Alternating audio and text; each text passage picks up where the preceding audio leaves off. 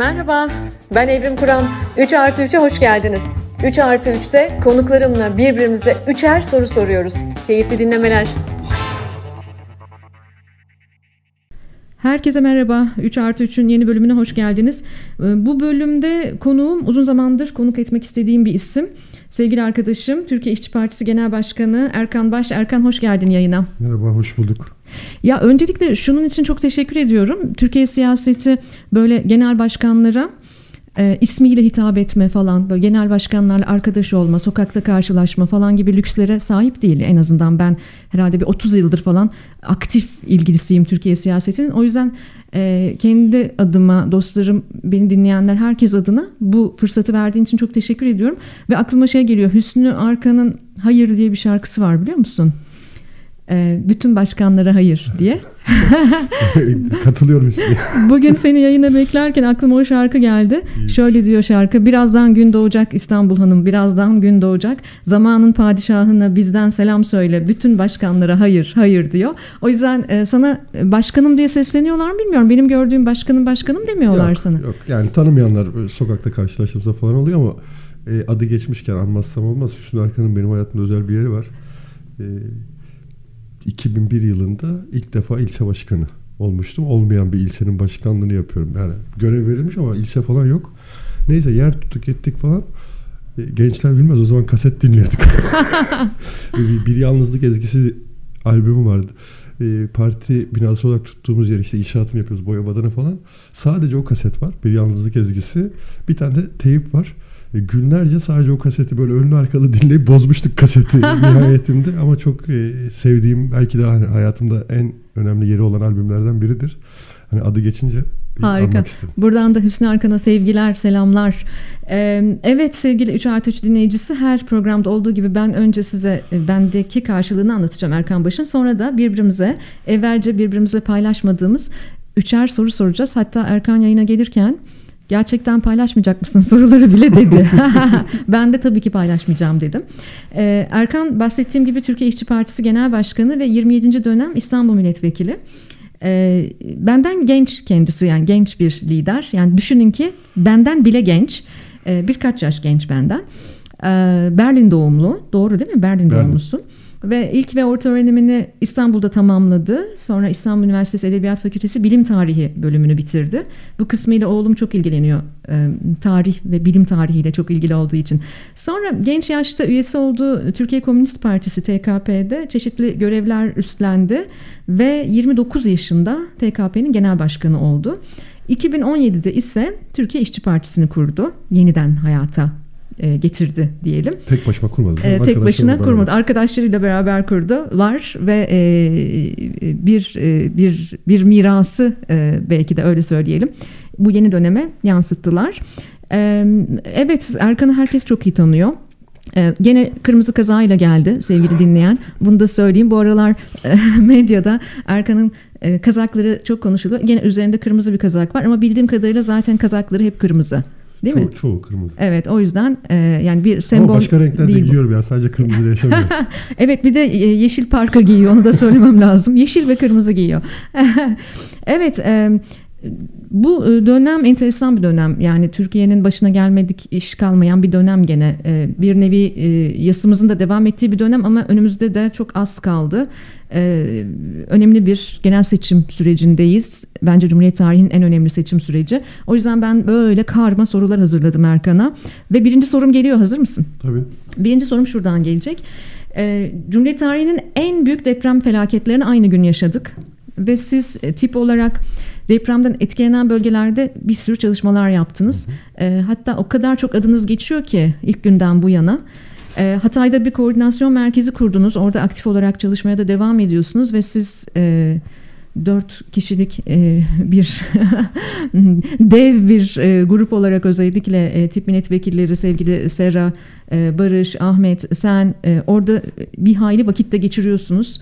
E, hatta geçen günlerde PM'yi de parti meclisinde orada topladınız. Bu sizinle ilgili e, sokağı ve sahayı önemsemekle ilgili tavrınızda benim çok da beğendiğim bir şey.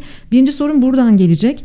Biraz izlenimlerini paylaşmanı isteyeceğim Erkan. Ee, bir sürü şey konuşuluyor. İşte gidenler var bölgeye. Hepimiz bir taraftan e, gücümüzün yettiğince destek olmaya çalışıyoruz.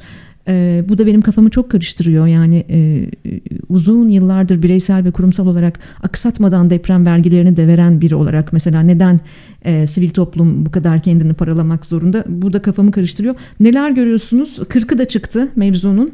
E, ama hala büyük dertler, eksiklikler var diye biliyorum. Ya şimdi birkaç tane şey söyleyeyim hemen. Bir kere bir görünen dört kişiyiz evrim. Yani bu bazen bizi üzüyor onu söyleyeyim. Çünkü arkamızda gerçekten çok büyük bir birikim var. Hem parti örgütü açısından hem de ne bileyim yani işte bilim kurulu üyelerimiz, dostlarımız, aydınlar, sanatçılar e, ciddi bir destek var arkamızda.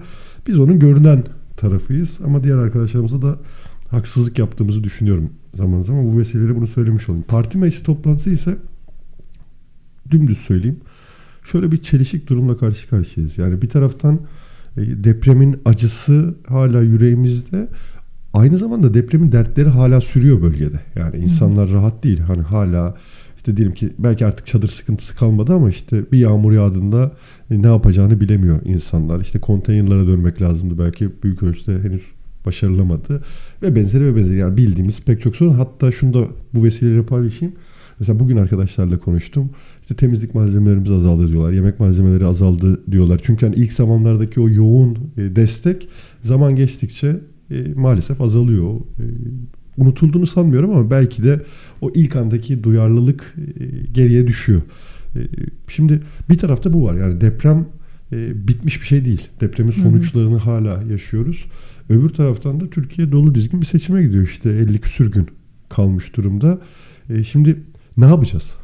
Yani mesela o seçim kararının alındığı 2-3 gün e, bayağı gerildim kişi olarak da. Çünkü bir taraftan seçimle ilgilenmen gerekiyor. E, çünkü Türkiye'nin önümüzdeki 100 yılı bu seçimle şekillenecek belki de. E, ya da ne bileyim işte depremde ortaya çıkan o e, canımızı yakan tablonun hesabının sorulması için de seçim bir araç. Ama öbür taraftan da somut olarak depremle ilgili yapmamız gerekenler var. İşte tam o arada böyle bir fikir ortaya çıktı.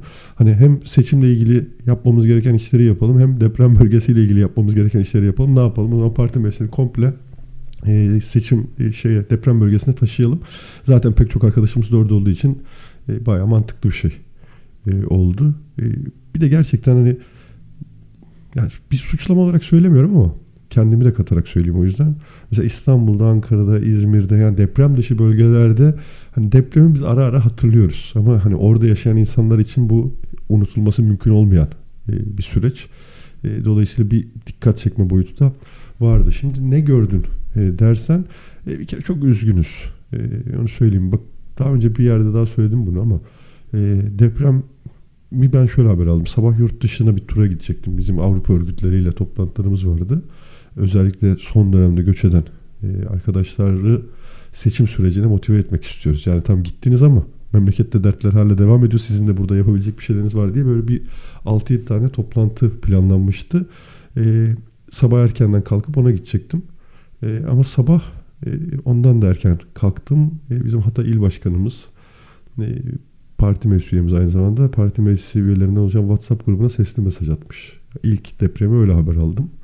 E, evi yıkılmıştı. Enkazdan çıkmış bir biçimde kendini kurtarmış. E, partili arkadaşlara ulaşabilmek için ne yapayım diye parti binasına gidiyor. Parti binası yok ortalıkta. O da yıkılmış. Ve o şokla bize sesli mesaj atıyor. Bu çok yani insan ne yapacağını bilemiyor. Yani öyle bir şeyle karşılaştığında. Neyse ben de işte İstanbul'daki arkadaşları uyandırmaya başladım. Bizim il merkezinde toplandık. Saat 7 falandı. Ee, ilk aldığımız karar şuydu hemen bölgeye gidelim. O anda işte havaalanı çalışmıyor diye bir bilgi geldi. Lanet olsun yani Atay Havaalanı ile ilgili daha önce çok konuşmuştuk, çok tartışmıştık ve yani üzülüyorsun. Yani söylediğin şey olduğu için üzülüyorsun.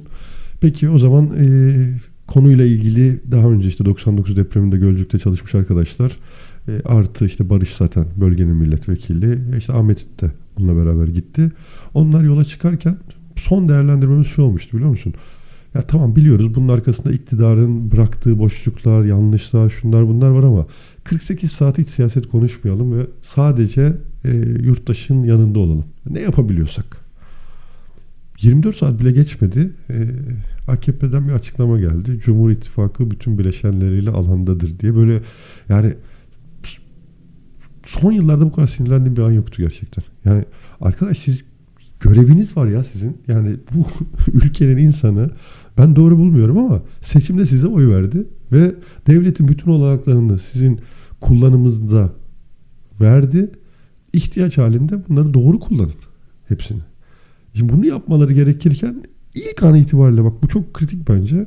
Bir de o önemlidir. Yani refleksler belirler ya. İlk an itibariyle aslında biz buradan nasıl daha az zarar görerek çıkarız? Yani mesela iktidarın refleksi bütün bu deprem süreci boyunca hani insanlara yardım etmek, hayatlarını kurtarmak, yaralarını sarmak, işte görevlerini yapmak falan değildi. Depremden iktidarımız olabildiğince az yıpranarak çıksın. Bunu nasıl sağlayabiliriz? Bu duyguyla hareket ettiler.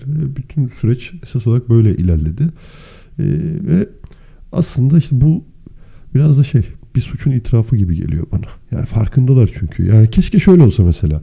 Hani bunları bilmeden yaptıklarına, işte yeteneksiz olduklarına, beceriksiz olduklarını falan düşünsem belki bu kadar sinirlenmezdim. Ama baya yani bence hani bir şey olmaz rahatlığıyla ve biz işimize bakalım anlayışıyla hareket etmişler. Ve şimdi her geçen gün tekrar e, yeni örneklerle karşılaşıyoruz. E, ortada bir doğal afet var. Ama bu doğal afeti felakete çeviren bir iktidar anlayışı, iktidar politikaları var. Ve çok açık söyleyeceğim. Mesela bunu engelleyememiş olmanın sorumluluğu bile beni dertlendiriyor yani. Yani lanet olsun mesela yani diyelim ben meclisteyken bir kere imar barışı diye adlanan o yasalardan biri geçti. Ya niye engelleyemedik mesela biz bunu? Hı hı. Yani tamam sayımız az, gücümüz az, onda işte parmak hesabı şu falan ama daha çok bağırsaydık, ne bileyim yani insanları sokaklara çıkartabilseydik, meclisi kuşatsaydık, yani yaptırmasaydık bunu. Acaba yaptırmamamız mümkün müydü? Hani ne yapsaydık bunu engelleyebilirdik sorusunu sormaktan yani kaçamıyorum ya. Ve hala aynı durumdayım. Ee, ama yani sonuçta bir taraftan da hayatın gerçekleri var. Yani geçmişte yaşanan şeyleri düzeltemiyorsunuz. Şimdi mesela seçim e, hırsımın diyeyim bir boyutu da bu. Yani bu ülkenin bir daha bunları yaşamaması bizim elimizde. Bunu yurttaşlara anlatabilirsek, yurttaşları bu açıdan motive edebilirsek, inandırabilirsek, e, ülkemizin bir daha böyle şeyler yaşamasının önüne geçebiliriz diye düşünüyorum ve e, mesela şunu kendi adıma değil parti adına da söyleyeyim. Biz bu seçim süreci boyunca e, belki de en fazla bu depremin unutulmamasını sağlamaya çalışacağız. Yani buradaki o sorumlulukları göstermeye çalışacağız. Son bir şey daha hani e, kısa e, kesmek için söyleyeyim. Örgütlülüğün ne kadar önemli olduğu bir kez daha ortaya çıktı. Mesela sonuçta biz hani sen biliyorsun ama e, hazineden hiç para almayan bir partiyiz. Yani bizim öyle bir e, gücümüz, mali bir gücümüz e, yok. E, partinin üye sayısı açısından baktığında da hani şöyle söyleyeyim son dönemdeki büyük büyümeyle beraber bizim açımızdan biz 30 binleri falan yeni geçtik. Örneğin AKP'nin 10 milyon üyesi var kağıt üstünde. E, şimdi düşünsene bir tarafta 10 milyon üyesi olan iktidarın bütün olanaklarında bulunan bir parti var. Bir tarafta da hani sadece işte diyelim ki 30 bin üyesi olan elinde neredeyse hiç imkan olanak olmayan bir parti var. Ama sen eğer aklını, yüreğini e, bir güce dönüştürebiliyorsan, e, bunu kolektivize edebiliyorsan o zaman çok büyük işler başarabiliyorsun. Gerçekten hani o açıdan da kendi adımıza değil hani tip başardı demiyorum bunu. Tip buna aracılık etti. Yani o ortaya çıkan büyük yurttaş dayanışmasında biz bir köprü işlevi gördük. Mesela herkes bilsin yani hani tip şöyle övüldüğümüz zaman utanıyorum ben. Çünkü biz aslında bir şey yapmadık. Yani şöyle bir şey yapmadık. Hani olmayan bir şeyler yaratmadık biz. Yurttaş güveneceği ve bölgeye yardım edebileceği, dayanışmasını ortaya koyabileceği kanallar arıyordu, köprüler arıyordu. Tip sadece bunu sağladı. Yani biz bir yurttaştan aldık, başka bir yurttaşa götürdük. Yani yaptığımız iş buydu. Ama işte örgütlü olduğunuz zaman bunu yapabiliyorsunuz. E, bence mesela depremin bizim açımızdan, hepimiz açısından en büyük sonuçlardan bir tanesi bu. E, bir de kendimize çıkarttığımız ders eskiden e, bundan 6-7 ay önce falan İstanbul'da bir e, depremle ilgili parti üyelerini bilgilendiren bir dizi toplantı yapmıştık. E, hani biraz böyle şey olur ya olağan zamanlarda bunlar böyle çok önemli anlaşılan şeyler değil. Yani işte parti istemiş yapıyoruz falan diye katılıyordu üye arkadaşlar. Katıldıktan sonra da ya önemliymiş diyordu ama pratik olarak hayata geçirmek konusunda zayıf kalıyorduk. Şimdi e, iddiamız şu, yani bütün üyelerimizi e, bu felaketlere e, müdahale edebilecek bir e, örgütlenme içerisinde. Yani partinin olağan örgütlenmesi dışında bir de böyle afet yönetimi, e, afete müdahale e, gibi e, özel e, örgütlenmelerle zenginleştirmeye çalışacağız. Yani madem örgütlüyüz hani ülkeyi değiştirmek istiyoruz, dünyayı değiştirmek istiyoruz. Bu felaket anlarına da bir ek hazırlık yapalım ve daha etkili olabilelim e, ihtiyaç duyulduğunda diye bir düşüncemiz var. E, umarım onu da başarırız. Başaracağınıza inanıyorum çünkü e, bahsettiğin gibi e, çok sınırlı kaynaklarla insanlara örgütlenmenin gücünü hatırlattınız. Bunu iltifat olsun diye söylemiyorum. Bölgede pek çok sivil inisiyatif örgütlendi bir biçimde. E, ama siz orada görünür görünmez bir sürü mücadele alanıyla da başa çıkmak durumunda kaldınız. Mesela işte artık siz burada yardım yapamazsınız diyenlerden İnanılmaz tut da değil mi? değil mi? İnanılmaz gerçekten. Kendi görevini yapmıyor, başkasını yapmasını Evet. engelliyor. Yani bunlarla da mücadele ettiniz bir yandan. Bunların da bunlar e, zamansız yayınlar. Bunların da tarihe geçmesini istiyorum. O yüzden söylemek istedim. Bir de sevgili dinleyen şunu da ifade etmek istiyorum. Siyaseti e, ilgiyle, sevgiyle takip eden e, biri olarak e, üye sayılarından bahsetti. İktidar Partisi'nin üye sayılarıyla e, tipin üye sayılarından bahsetti Erkan ama e, yanılıyorsam düzelt lütfen. Sizin bir de öyle çok milyon liralık e, üyelik aidatlarınız da Yok yok hiç yok, yok, ya. değil mi? Yani bi- bizim için- gönlünden geçeni mi veriyor Evet, üye? evet, ne tabii, yapıyor? Tabii tabii. Yani al- alt sınırı yok, üst sınırı yasal üst sınır var. Şimdi hatırlamıyorum ama zaten hiç üst sınırdan veren yok neredeyse. Durum o bizim açımızdan. E, biz, bizim için önemli olan hani biz zaten mesela bak onu da söyleyeyim. Ödenti diyor bazı partiler. Biz ödenti diye kullanmıyoruz onu. Aidat diye kullanıyoruz. Hı. Ait olmaktan geliyor. Evet. Ve hani neyse odur yani ayda 5 lira veren üyemiz de var. E, Kuşkusuz geliri daha yüksekse daha fazlasını veren de var ama bir alt sınırımız yok. Yani bu süreçte ben asla acı pornografisi yapmak veya bunu bir e, karlılığa devşirmek istediğim için bunu sormuyorum ama bu süreçte tabii üyelik e, başvurularında da size bir hayli artış olduğunu gözlemliyorum ve çok e, gerçi bununla ilgili ayrı bir soru soracağım ama şimdi harcamayayım. Çok farklı kanallardan kaynaklardan da sen e, yayına gelmeden yani benim ev stüdyoma gelmeden kısa bir süre önce bir arkadaşım aradı. E, dedi ki ya dedi e, benim dedi işte e, Toronto'da e, yaşayan e, oğlum aradı bunlar örgütlenmişler e, üyelik başvurusu yapmışlar ama kaç haftadır cevap gelmiyormuş diye. Ben de dedim Ya- ki ya muhtemelen çok yoğunlardır ama Bak- Erkan'a bunu ileteyim. Bunu gerçekten hani e, üyelik başvurusu yapıp belki henüz e, kendisine ulaşılamayan herkesten özür diliyorum. Başlayayım. E, ama mesela geçen şöyle bir şey oldu arkadaşlar iletmişler bana. E, bir paylaşım var bizden şikayet ediyor. E, işte bir hafta oldu hala beni arayan olmadı diye. Ben de arkadaşlara dedim ki ne oldu dedim yine hani sektör solcu yaklaşımlar mı gelişiyor parti örgütünün herhangi bir yerinde acaba diye. E, bir arkadaşım dedi ki ya keşke öyle bir lüksümüz olsa dedi. Gerçekten söylüyorum yani yöneticilerimizin özellikle şimdi deneyim ihtiyacı var ya bölgeye gittiğinde.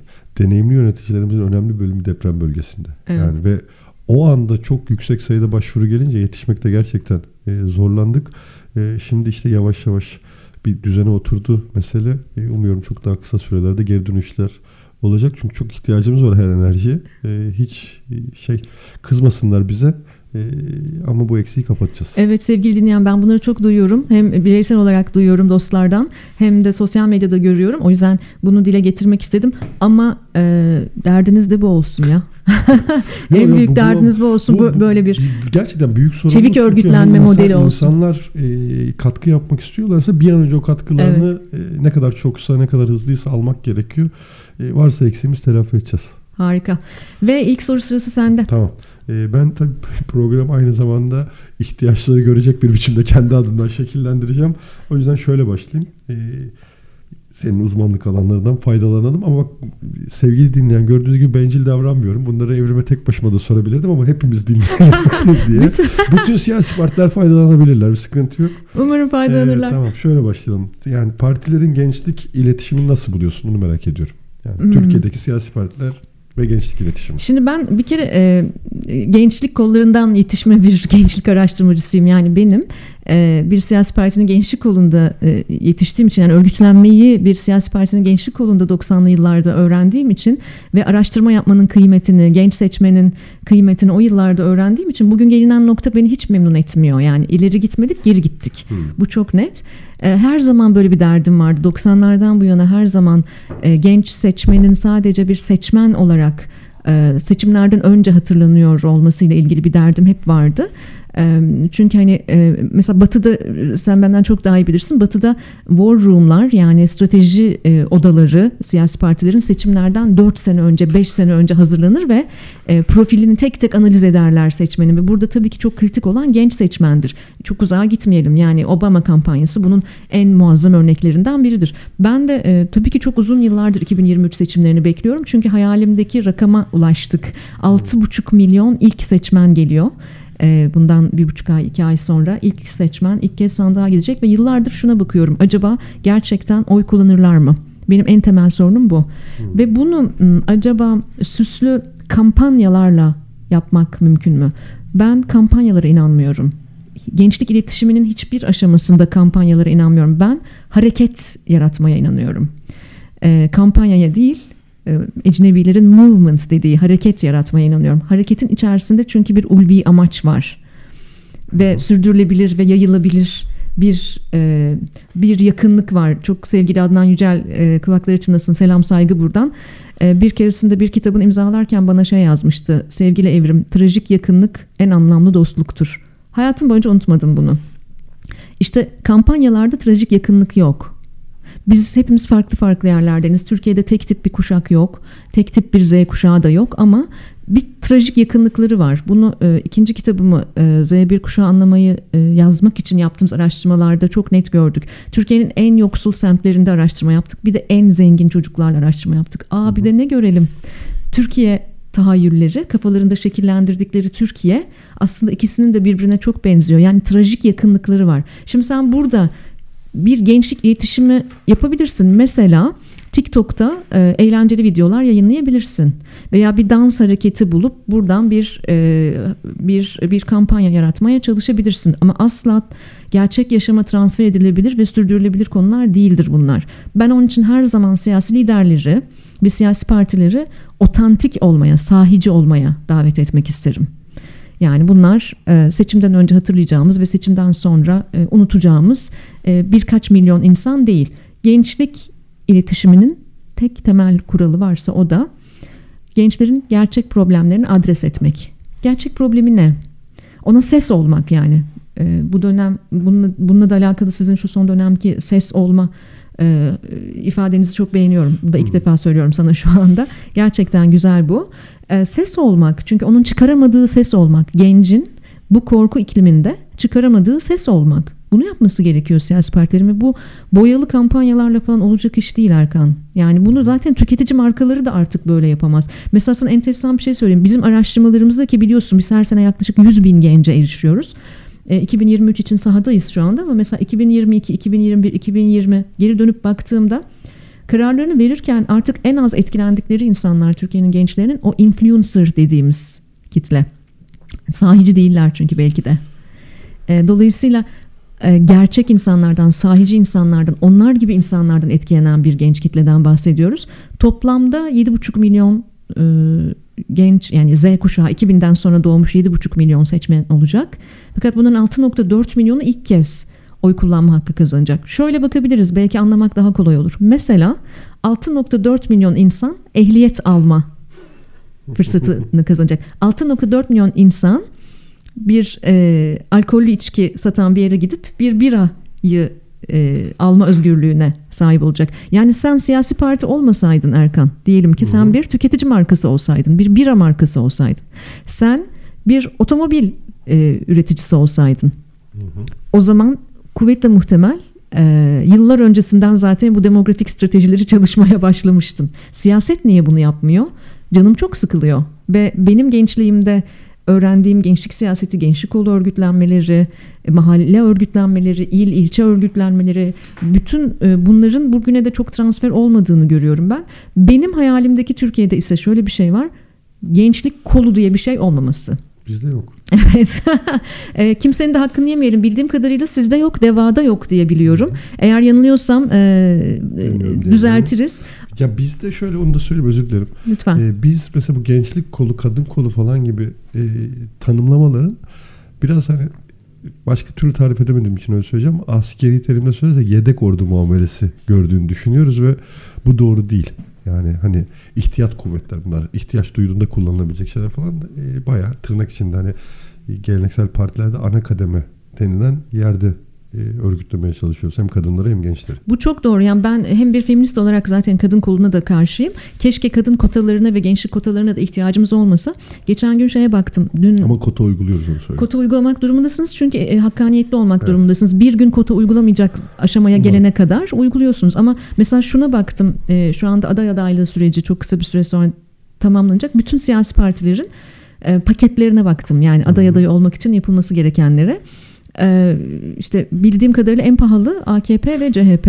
E, 30 bin lira aday başvurusu. iktidara aday. Evet o 30 bin lira en pahalı. E, marka değeri mi yüksek artık bilmiyorum. Sıfır. Sizde sadece bizde ücretsiz deprem yani. bölgesine Ha, tamam. e, bir e, hijyen bir de gıda kolisi hazır ama bak dersime çalıştım buna baktım. E, sizde böyle bir durum var. Yanı sıra mesela şöyle yapmışlar bu siyasi partilerde. Ana yani şey erkekler için yani erkekler için diyeyim ana kademe demeyeyim. Erkekler için e, 30 bin liraysa mesela yarı fiyatına koymuşlar e, gençler ve kadınlar için. İşte kimisi engelliler için yarı fiyatı koymuş. Engelliler için hiç para almamış falan filan. Şimdi bunlar e, bence e, çok da çare değil, yöntem de değil. Ama günün sonunda benim hayalimdeki Türkiye tabii ki parlamentonun gençleştiği, e, %17 gibi bir e, kadın e, vekil oranının olmadığı e, bir parlamento. Bunu çok çok arzu ediyorum ama ben siyasi parti e, e, merkez yönetimlerinin ya da bazı siyasi partilerde genel idare kurulu diye geçer bazısında Hı. MKYK diye geçer falan merkez yönetim kurullarının da gençleşmesinin çok önemli olduğunu düşünüyorum. Yani ben yaş ortalaması artık 70 olan siyasi parti liderleri Yine görmek propagandaya istemiyorum. girmeyecekse söyleyeyim. Bizim MYK'nın en yaşlısı benim. Kanal Ee, benim. e, burası bağımsız medya. İstediğin gibi Ya biz Konuşabilirsin. MYK'da galiba en yaşlı benim. Yani yanlış söylemiyor diye şey yapıyorum. Parti meclisinde de gençlerden birisi değilim. Yani öyle söyleyeyim. Yani şimdi Türkiye siyasetine bakıldığında hani genç gibi gözüküyorum. Ben hatta bazen dalga geçiyorum. Yani Türkiye'nin yaş ortalaması düşündüğünde benim gibi birisinin genç lider olarak tırnak içinde e, ifade edilmesi de bir probleme işaret ediyor aslında. Evet o yüzden ben şu anda merakla bekliyorum listelerin açıklanmasını e, göreceğiz. Gerçekten yaş ortalaması her seçimde böyledir. İlk baktığım şey olur. Yani gençlere ve kadınlara özel olarak bakacağım. O öyle 19 Mayıs'larda 8 Mart'larda e, kutlamalarla bir günde hatırlamalarla falan olacak iş değil. Mutlaka yönetim kademelerine mutlaka bu arkadaşlarımızı almamız gerekiyor. Kaldı ki e, ikinci yüzyılı siz zaten önceki yüzyıldaki öğrenilmiş çaresizliklerle birlikte yönetemezsiniz. Yani gençlerle ilgili düşüncem bu. Açıkçası e, hiçbir siyasi partinin m, yaptıkları beni yeterince tatmin etmiyor. Ya hele ki sosyal medyadaki e, iletişimler bir kere bence bir araştırmacı olarak bunu söyleyeyim her şeyden önce. Bir, Türkiye'yi Twitter'dan okumayı çok tehlikeli buluyorum. E, çok büyük bir yankı odası orası. E, Yüzde yirmi bile etkisi yok. E, yani iyi yansıtmıyor Türkiye'yi. Ha Türkiye'yi TikTok'tan okumayı da tehlikeli buluyorum. Türkiye'yi Instagram'dan okumayı da tehlikeli buluyorum. Ben her zaman çalıştığım, danışmanlık verdiğim her sektörde, her alanda ve siyasette de dahil sadece ve sadece sokağa inanıyorum. Birkaç şey ekleyeyim mi? Yani Hı hı. bence önemli. Hani ben de paylaşmış oldum. Sonuçta senin yazdıklarından, çalışmalarından falan da e, feyz alarak. Bir de partinin e, ulaşabildiği genç kesimlerden çıkarttığım sonuçlar bizim mesela yerleştirmeye çalıştığımız anlayış açısından söyleyeyim. Mesela bence çok güzel bir slogan. Hani onu da söyleyeyim. Genelde böyle slogancılık eleştirilen bir şeydir de ben sloganı çok kıymetli buluyorum. Eğer bir mücadele sürecinden gelip böyle büyük bir birikim bir cümlede ifade ediliyorsa kıymetli bir şeydir ama bazen yanlış anlaşılmaları Evet. da neden olabilir. Mesela gençlik gelecek, gelecek sosyalizm benim böyle ilk lise çağlarımdan beri attığım slogan. Bir açıdan bakarsan hani geleceğe ilişkin bir umudu işaret ediyor falan çok hoş. Ama öbür taraftan ben mesela uzun yıllardır arkadaşlar diyorum bunu atmayalım diyorum bu sloganı. İşte neden diye sorulduğunda gençliği sadece geleceğe atfediyoruz. Oysa Evet. gençliğin bugününü tartışmak önemli bir Kesinlikle. şey. İkincisi e, yani nasıl özetle ifade edeyim şöyle e, temsil edilmek değil de dahil olabileceği kanalları açmak. Bizde hep siyasetin genel problemi bence bu. Yani hep bir temsil üzerine dayanıyor Hı hı, hı. e, Türkiye'deki siyaset. Gençler söz konusu olduğunda bu daha şey. Yani işte gençlerin amcası oluyorsun, teyzesi oluyorsun, annesi oluyorsun, abisi oluyorsun falan. Ya bırak da genç kendisi olsun. Hani niye sen ona yol çiziyorsun? Üçüncüsü de yine çok genel bir şey söyleyeceğim ama en çok gençlerde karşılık bulduğunu düşünüyorum bunun. E, şeffaf, samimi ve sahici olabilmek. Kesinlikle. Mesela e, bence mesela Türkiye İşçi Partisi'nin e, yarattığı etkinin e, en temel nedenlerinden bir tanesi bu. Yani biz neysek oyuz. Yani mesela şimdi sen söylüyorsun e, sosyal medya üzerinden. Şimdi e, mesela ben Twitter'cıyım. Yani yaş kuşağı itibariyle. E, çünkü diğerleri mesela Facebook kullanamıyorum. Hani hiç kullanmadım çünkü Facebook. Var bir Facebook hesabım ama etkin değilim orada. Ama bunun için de mesela özel bir çaba sarf etmiyorum. Çünkü hani bunu yapmaya çalıştığımda işte o zaman siyasetçi oluyorsun. Yani aslında o sen değilsin. Ya da işte mesela TikTok hani sadece izliyorum ama benlik bir yer değil orası şu anda ee, gibi. Bu ama bence şöyle bir güç veriyor. Yani neysek oyuz. Çok Hani doğru. Neysek oyuz. Onu görsün, onu bilsin. Onun üzerinden destek veriyorsa versin, eleştiriyorsa eleştirsin e, falan gibi. Beğeniyor yaklaşımlar. musun gençlik iletişiminizi? Ben de aynı soruyu sana sorayım. Ya Sizin bi- tipin bizim e, esas olarak genç arkadaşlar yaptığı için zaten. Şimdi mesela bazen şöyle sadece kaygıya kapıldığım noktalar oluyor. Samimi söyleyeyim. Acaba diyorum bize bakarak kendilerinde böyle bir e, tırnak içinde söylüyorum. Törpülemeye mi çalışıyorlar kendilerini? Hani bize benzemeye mi çalışıyorlar falan. Sadece burada eleştiriyorum. Hani bizim bütün partili genç arkadaşlara sorabilirsin. Hani diyelim ki işte Erkan hangi konuda sizi eleştiriyor dediğinde aman bize benzemeyin diyorum. Ya siz kendiniz gibi olun. Hı hı. Ama şey doğal hani sonuçta bir e, hani örnek alma hali var. Evet. E, onu da mümkün olduğunca minimuma indirmeye çalışıyoruz. E, kendileri gibi olurlarsa daha iyi olur. Kesinlikle ya olur. hep bu yani otantisite bana yıllardır şunu sorarlar her sektörde gençler ne ister ben de gerçeği sadece gerçeği derim gerçekleri söylemek dostluktandır çünkü mesela şunu yapamayız demeyi de e, önemsiyorum E, dostum seni dinlerim ama bu davada bu yolda seninle yürürüm ama şu kadar zaman ben bunu yapamam belki şu zaman birlikte yapmaya e, yapmayı başarabiliriz. O yüzden e, bu mesajın da önemli olduğunu düşünüyorum. Gerçekten temsil edilmek değil, gençlerin temsil edilmesi değil ama kapsayıcılık çok önemli. İşte uzun yıllardır ben çeşitlik, hakkaniyet ve kapsayıcılık üzerine çalışıyorum. Bir üniversitede ders veriyorum bu konuda ve her geçen dönem gençlerin kapsayıcılığa olan ihtiyacının ne kadar arttığını görüyorum. Kutuplarının bu kadar aralarının arasının açıldığı bir ülkede üstelik. Bu gerçekten çok kritik. Sloganla da ilgili bir şey söyleyeyim. E, onu da söylemeden geçemeyeceğim. E, çünkü yaşayan bir slogan senin değer önermen. Yani o öyle e, uyduruk bir reklam metni falan değil. O yüzden onun özünü bulmak çok kıymetli. O senin değer önermen. Benim yaratmak istediğim ve sürdürmek istediğim değer bu diyorsun. Benim gezi döneminde en beğendiğim slogan neydi biliyor musun? Neydi? Çok çalıştım o sloganları çünkü. Slogan bulamadım. evet doğru. Ne kadar derin. Bir duvar yazısıydı. Evet. Ne Tam kadar derin aslında. Evet. Bir duvar yazısıydı. Slogan bulamadım. Yani aslında e, ne kadar Metin mi yapmıştı acaba? ne kadar üzerinde konuşmamız, tartışmamız gereken bir şey. Ya işte e, Neyse. buradan da nostalji bir, şey, oldu. bir, bir şey söyleyeceğim. Söyle. Ee, hani bir sen soruyorsun bir sen soruyorsun. Şimdi tam Ha. bu noktada ikiyi ben alayım sonra senden devam etsin. Öyle olur mi? Mu? Ha, yani aklıma bir şey geldi çünkü. Ne, devrimcisin diye burada da benim 82 bölümdür. Yok ya. Belli bir gidişatım var yani. Üçe üç yapacağız da. Tamam, Tam sen- mesela bu, bu noktada şeyi Sonra kafam istiyorum. karışmasın ama Yok. hatırlat. Şimdi sen Tamam. ikinci soruyu mu soruyorsun? Tamam, ben Sonra da ben ikinci tamam, soruyu soracağım. yapalım. Tamam. Yani programa da devrimci bir müdahale. Hayır şimdi mesela diyelim ki hani sonuçta sen çokça gençlik araştırması yapıyorsun, inceliyorsun ve hani orada pek çok problemi e, görüyorsun. Mesela siyasi partiler şu gençlerin şu problemiyle daha fazla ilgilense, bunu daha fazla gündeme alsa dediğim bir şey var mı? Tam hani bu söylediğin tamamlar diye araya girdim. Evet, güzel. Ee, ya tabii bu aralar e, çok üzülerek söylüyorum ki yani e, Maslow'un ihtiyaçlar hiyerarşisindeki barınmanın bu kadar e, 2023 Cumhuriyet'in ikinci yüzyılında barınma konuşuyor olmaktan esef duyuyorum. Ama gerçekten çok ciddi bir barınma krizi yaşıyor gençler ve tabii ki istihdam. Barınma ve istihdam bunların çok önemli olduğunu düşünüyorum. Çok önemli olduğunu düşünüyorum. E, Bizim istihdamla ilgili yaptığımız araştırmalarda da bunu çok net görüyoruz. E, Bunun e, yani bunlar bazı ihtiyaçlar. Yani kim demişti onu? Brecht mi demişti? Brecht demişti galiba. Umarım yanlış söylemiyorumdur. Önce ekmek sonra ahlak. Yani önce karnını doyurmam gerekiyor. Gençler aç. Çok basit bir şey söyleyeyim mi sana? Flört maliyeti diye bir araştırma okudum geçenlerde. 4000 lira idi birkaç hafta bir ay önce falan şimdi artmıştır kesin. Yani bir gencin flört etme en doğal hakkı insan hakkı. Ama iki gencin flört edip dışarı çıkıp bir şeyler bir kahve içip bir çay içip bir simit yiyip bir ayını böyle geçirebilmesi için ekstra 4000 liraya ihtiyacı var. Dolayısıyla ben bu gencin Yani nasıl kapitalizm anlamlı bir aşkı hayat... da öldürüyor derken haklıyım. Ya, öldürüyor tabii. Öyle şimdi bana, bana ondan sonra beni eleştiriyorlar. Ya sen e, kapitalizme hizmet eden işler yapıyorsun ve böyle eleştiriyorsun falan diye ama e, bizim de var e, bir hayalimiz. E, dolayısıyla bu gencin tabii ki öncelikle aç olduğunu hatırlatmak istiyorum. Önce ekmek.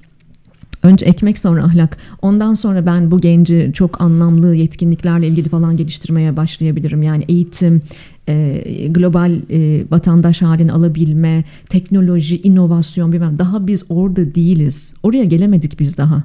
Biz 61 ülkede çalışıyoruz. Her sene 1,5 milyon gençle araştırmalar yapıyoruz. E, en canımı sıkan şey işte Temmuz ayında otururum ben data gelir ve bir ay kapanıp e, Eylül ayına hazırlayacağımız e, karşılaştırmalı dosyanın üzerinde çalışırız. Ve e, hep şunu bakarım. Dört tane ülkeye çok net bakarım tamam mı?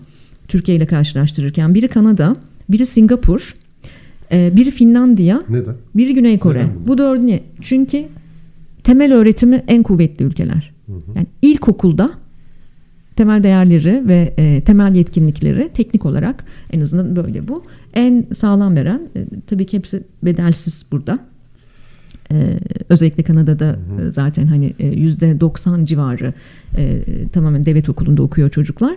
Şimdi ben bu çocukların e, genç buraların gençlik araştırmalarına baktığımda hayattan beklentileri o kadar farklı ki ve o kadar e, anlaşılabilir ki bize baktığımda bizim her gelen araştırmada bak 2022'de 63.700 gencin %83'ü Türkiye'den gitmek istiyorum dedi.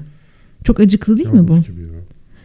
%83. Bir önceki yıl %81'di. Bir önceki yıl %79'du. Artarak. Artarak gidiyor.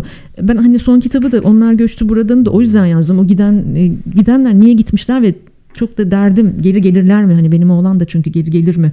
Bunu çok önemsiyorum. E, dolayısıyla şuna şuna bakalım. Bunların hepsi gidebilecek mi Erkan? Gidemeyecek. Yok, Bir kısmı gidecek tamam mı?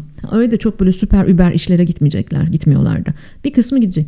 Peki gidemeyenlerle ben burada ne yapacağım? Gidemeyenlerin zaten istihdam problemi çok yüksek. Kayıt dışı istihdamın içerisinde zaten başları dönüyor. Ben gidemeyenlerle ne yapacağım? Hayatta en korktuğum şey vasattır. Ortalama vasat. Ortalama vasat çok tehlikeli, çok toksik bir durum. Dolayısıyla bence gençlerin en temel ihtiyacı onlara umut vermemiz gerekiyor. Yani geleceğe olumlu e, atıflarda bulunabilme kabiliyetlerini geliştirmemiz gerekiyor. Ee, umut vermemiz gerekiyor. Umut. Ben son soruma geleceğim ama sen sor istiyorsan. Tamam evet artık ben araya giriyorum ya. Araya giriyorum. Yoksa ben Nasıl umut şey, vereceğiz? Ben programa el koyuyorum burada.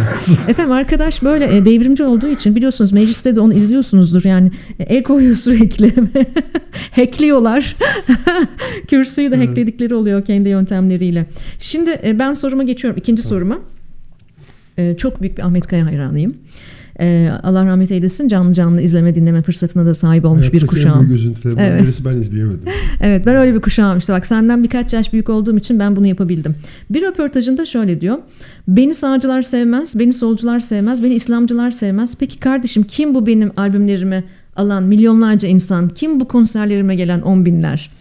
Ee, benim için Türkiye'yi çok özetleyen, Türkiye'yi çok özetleyen bir soru. Ee, şimdi bizimle ne alakası var bu sorunun diyeceksin.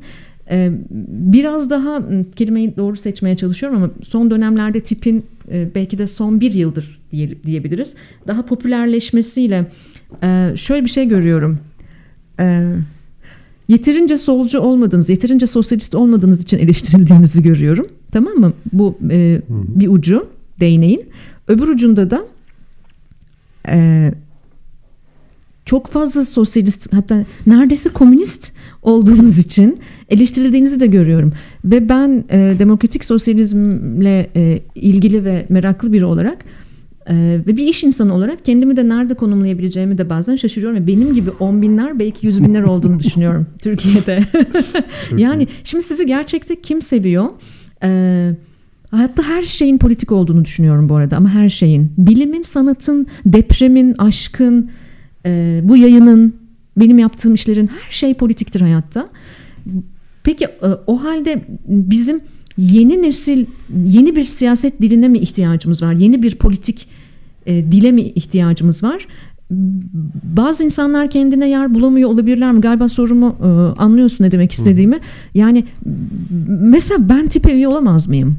E, o zaman seni eleştiriyorlar mı yani? Aa bak e, bir iş insanı, bir girişimci veya işte ne bileyim e, ortalamanın biraz üzerinde sosyoekonomik seviyesi olan biri gelmiş tipe üye olmuş. Bunu ben çünkü sosyal medyada çok görüyorum. Hatta geçenlerde böyle de bayağı bir e, sizin üyelerden yo hayır bak ben işçiyim e, ve ben de üyeyim diye yorumlar geldi. Hmm. Hani artık tipin işçi e, işçi sınıfından da uzaklaştığını falan.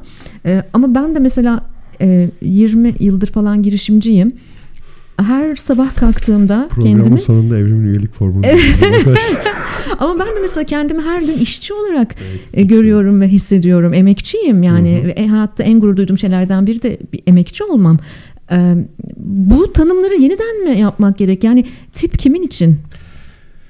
Şimdi ya bir Ahmet Kaya ile başlayalım bak. Şöyle tabii tarih çok acayip e, bir şey. Yani hangi dönemde olduğunuza falan bağlı. Ben mesela benim dayım ben kendi kendime devrimci oldum. Devrimci olduktan sonra dayımın e, cezaevinde olduğunu öğrendim. Devrimci olduğu için cezaevindeymiş. 12 Eylül'de tutuklanmış. E, ama mesela bunu benden saklıyorlar falan öyle düşün yani. Hani örnek olmasın falan diye ya da kin duymasın diye. Mesela annem, babam, mesela amcam sendikacıymış. 12 Eylül'de gözaltına alınmış falan. Ben bunu devrimci olduktan sonra, ilk gözaltına alındıktan sonra öğrendim. Çünkü amcam refleks olarak ben gözaltına alındığım haberini alınca eve gitmiş bütün kitapları toplamış, bodruma saklamış falan. Hani adam en son onu yaşadığı için. Ee, şimdi dönemsel e, boyutları var e, bu işin. Ve işte mesela ilk öğrendiğim şeylerden bir tanesi işte Ahmet Kaya idi. Pek çoğumuz da öyleymişiz. Yani 90'ların başı, ya 80'lerin sonu 90'ların başı falan. Çocuğuz tabii. Ee, önce Ahmet Kaya'yı çok seviyorduk. Sonra işte biraz kitap okumaya falan başladık. İşte Marksizm, Leninizm, Sosyalizm falan. Ahmet Kaya'yı açtık yani onu beğenmemeye başladık. Sonra grup yorum dinlemeye başladık tabii Ahmet Kaya'yı açtık. Sonra biraz daha okuyunca işte Shostakovich falan böyle işte Sovyet marşları falan yani grup yorumda beğenmemeye başladık sözde falan. E şimdi geldiğimiz noktada baktığımda aslında bunların hepsinin e, Türkiye açısından çok önemli kıymetler olduğunu düşünüyorum. Bir kere o açıdan Ahmet Kaya'ya bir borcum var. Yani senin vesilenle söylemiş olayım. Böyle hani onu hiç sevmediğim e, tırnak içinde söylüyorum ya. Gerçekten bugün utanarak söylüyorum bunu. Küçük gördüğüm bir dönem var. Böyle ilk hani çünkü kopuyorsun ya düzenden. Evet. Koparken böyle her şeyi küçümseme eğilimi baş gösteriyor. Yani en devrimci benim ve benim dışımdaki herkes kötü yani. Hani ya da işte bizim grup dışında herkes az devrimci. En devrimci biziz ve herkes böyle olmalı falan. Haksızlık etmişiz. Yani gerçekten aslında milyonlarca insan için e, hadi sadece sol, sosyalizm falan demeyeceğim yani insani değerlerin anlaşılması noktasında çok büyük katkıları olduğunu bugün düşünüyorum. Ya, hani eleştirebiliriz. Bak pek çok konuda eksiktir, yanlıştır, hatalıdır falan ama memlekete önemli bir katkı sağlamıştı. Şimdi buradan bir adım daha geri gideyim. Şunu söyleyeyim bak. 100 yıllık Cumhuriyet tarihi için şunu çok rahat söyleyebiliyorum. Mesela solu hani eleştirmek çok kolay. Ama hani bir bizi dinleyen herkese şu bunun üzerine düşünme çağrısı yapıyorum. Memleketin solcuların, sosyalistlerini şu yüzyıllık tarihten böyle çekip alsan. Tamam mı? işte ne bileyim. işte Mustafa Supi'yi çıkart, Beyce Boran'ı çıkart, Sabahattin Ali'yi çıkart. İşte Deniz Gezmiş'i, Mahir Çayan'ı, işte ne bileyim Nazım Hikmet'i. Ya aklınıza gelebilecek pek çok isim sayılabilir. Bunları çıkarsan Türkiye'de geriye ne kalır ya? Bak gerçekten söylüyorum yani insana dair geriye ne kalır? Yani işte mesela Türk romanından Yaşar Kemal'i çıkartabilir misin? Mesela.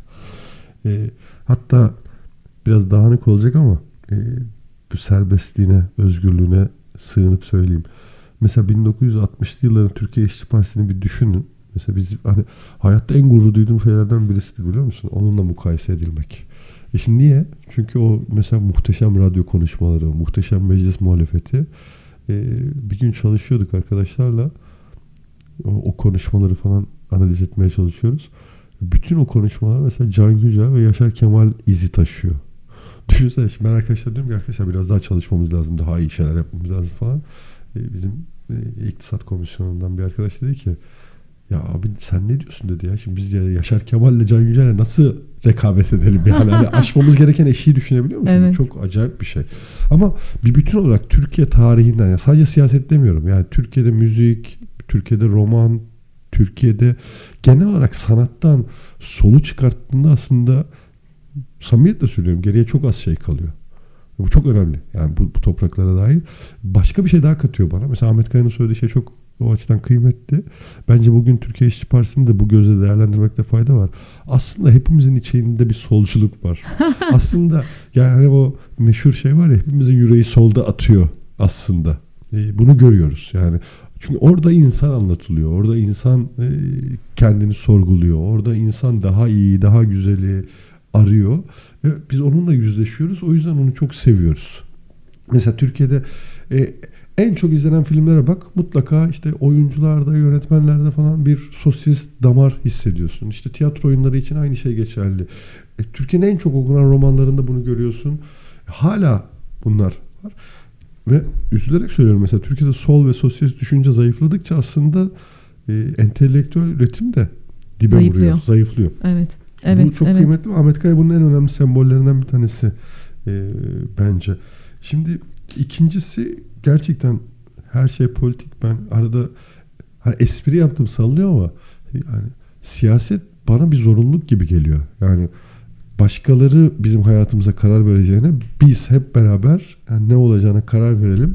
E bunun yolu ne siyaset? O zaman siyaseti toplumsallaştıralım, yaygınlaştıralım. Hani herkes siyasetçi olsun ya da siyasetçilik diye bir meslek ortadan kalksın. Hani bizim hedeflediğimiz şey bu.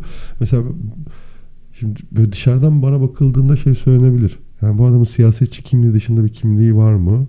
Ya toplumsal düzeyde bakarsa yok gerçekten. Kimse benim işte ne bileyim bilim tarihçisi olduğumu bilmez falan ya da e, ama yani ben bunu reddediyorum. Çünkü benim siyasette varlık sebebim aslında siyaset yapma ihtiyacını ortadan kaldırmak. Mesela en büyük hayalin ne dersen mesela çocuklarım siyasetle ilgilenmek zorunda kalmasın. Yani öyle bir dünya kuralım ki Harika bir vizyon. yani öyle bir dünya kuralım, öyle bir e, yaşam oluşsun ki insanlar siyasette ilgilenmek zorunda kalmasın ya da hani herkese ilgilendiği için herkes minim Evet. düzeyde ilgilenebilsin.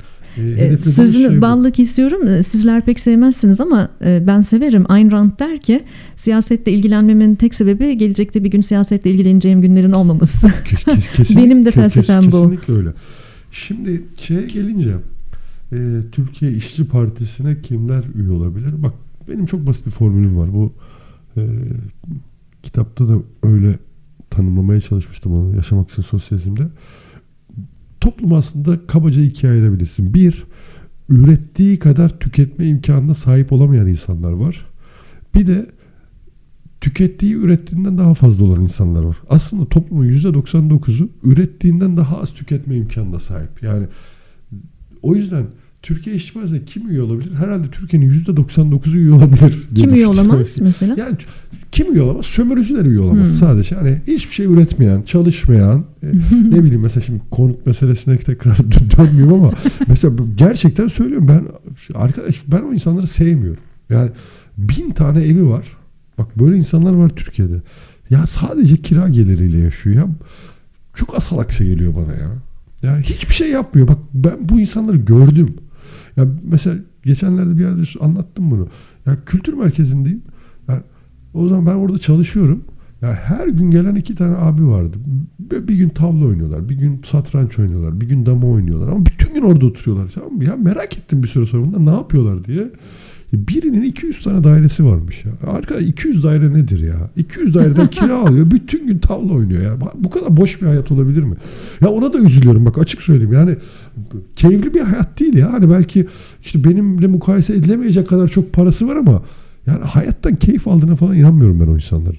Dolayısıyla ölçü bu. Yani üretmek. Ya bu zihinsel üretim olabilir, bedensel üretim olabilir, üretmek. Ee, ve hani ürettiği kadar tüketme imkanına sahip olamayan herkes bence işçidir. Hani çok geniş anlamıyla e, işçiliği kullanıyorum. Güzel bir tanım. Hatta bir şey daha ifade edeyim sana. Bak Türkiye'de mesela e, ben şuna çok uğraştım. Yani o Marksizm öldü bitti falan denilen yıllarda işte işçi sınıfı kalmadı. Elveda proletarya falan. Yani 90'lı yılların bizim en büyük tartışmalar.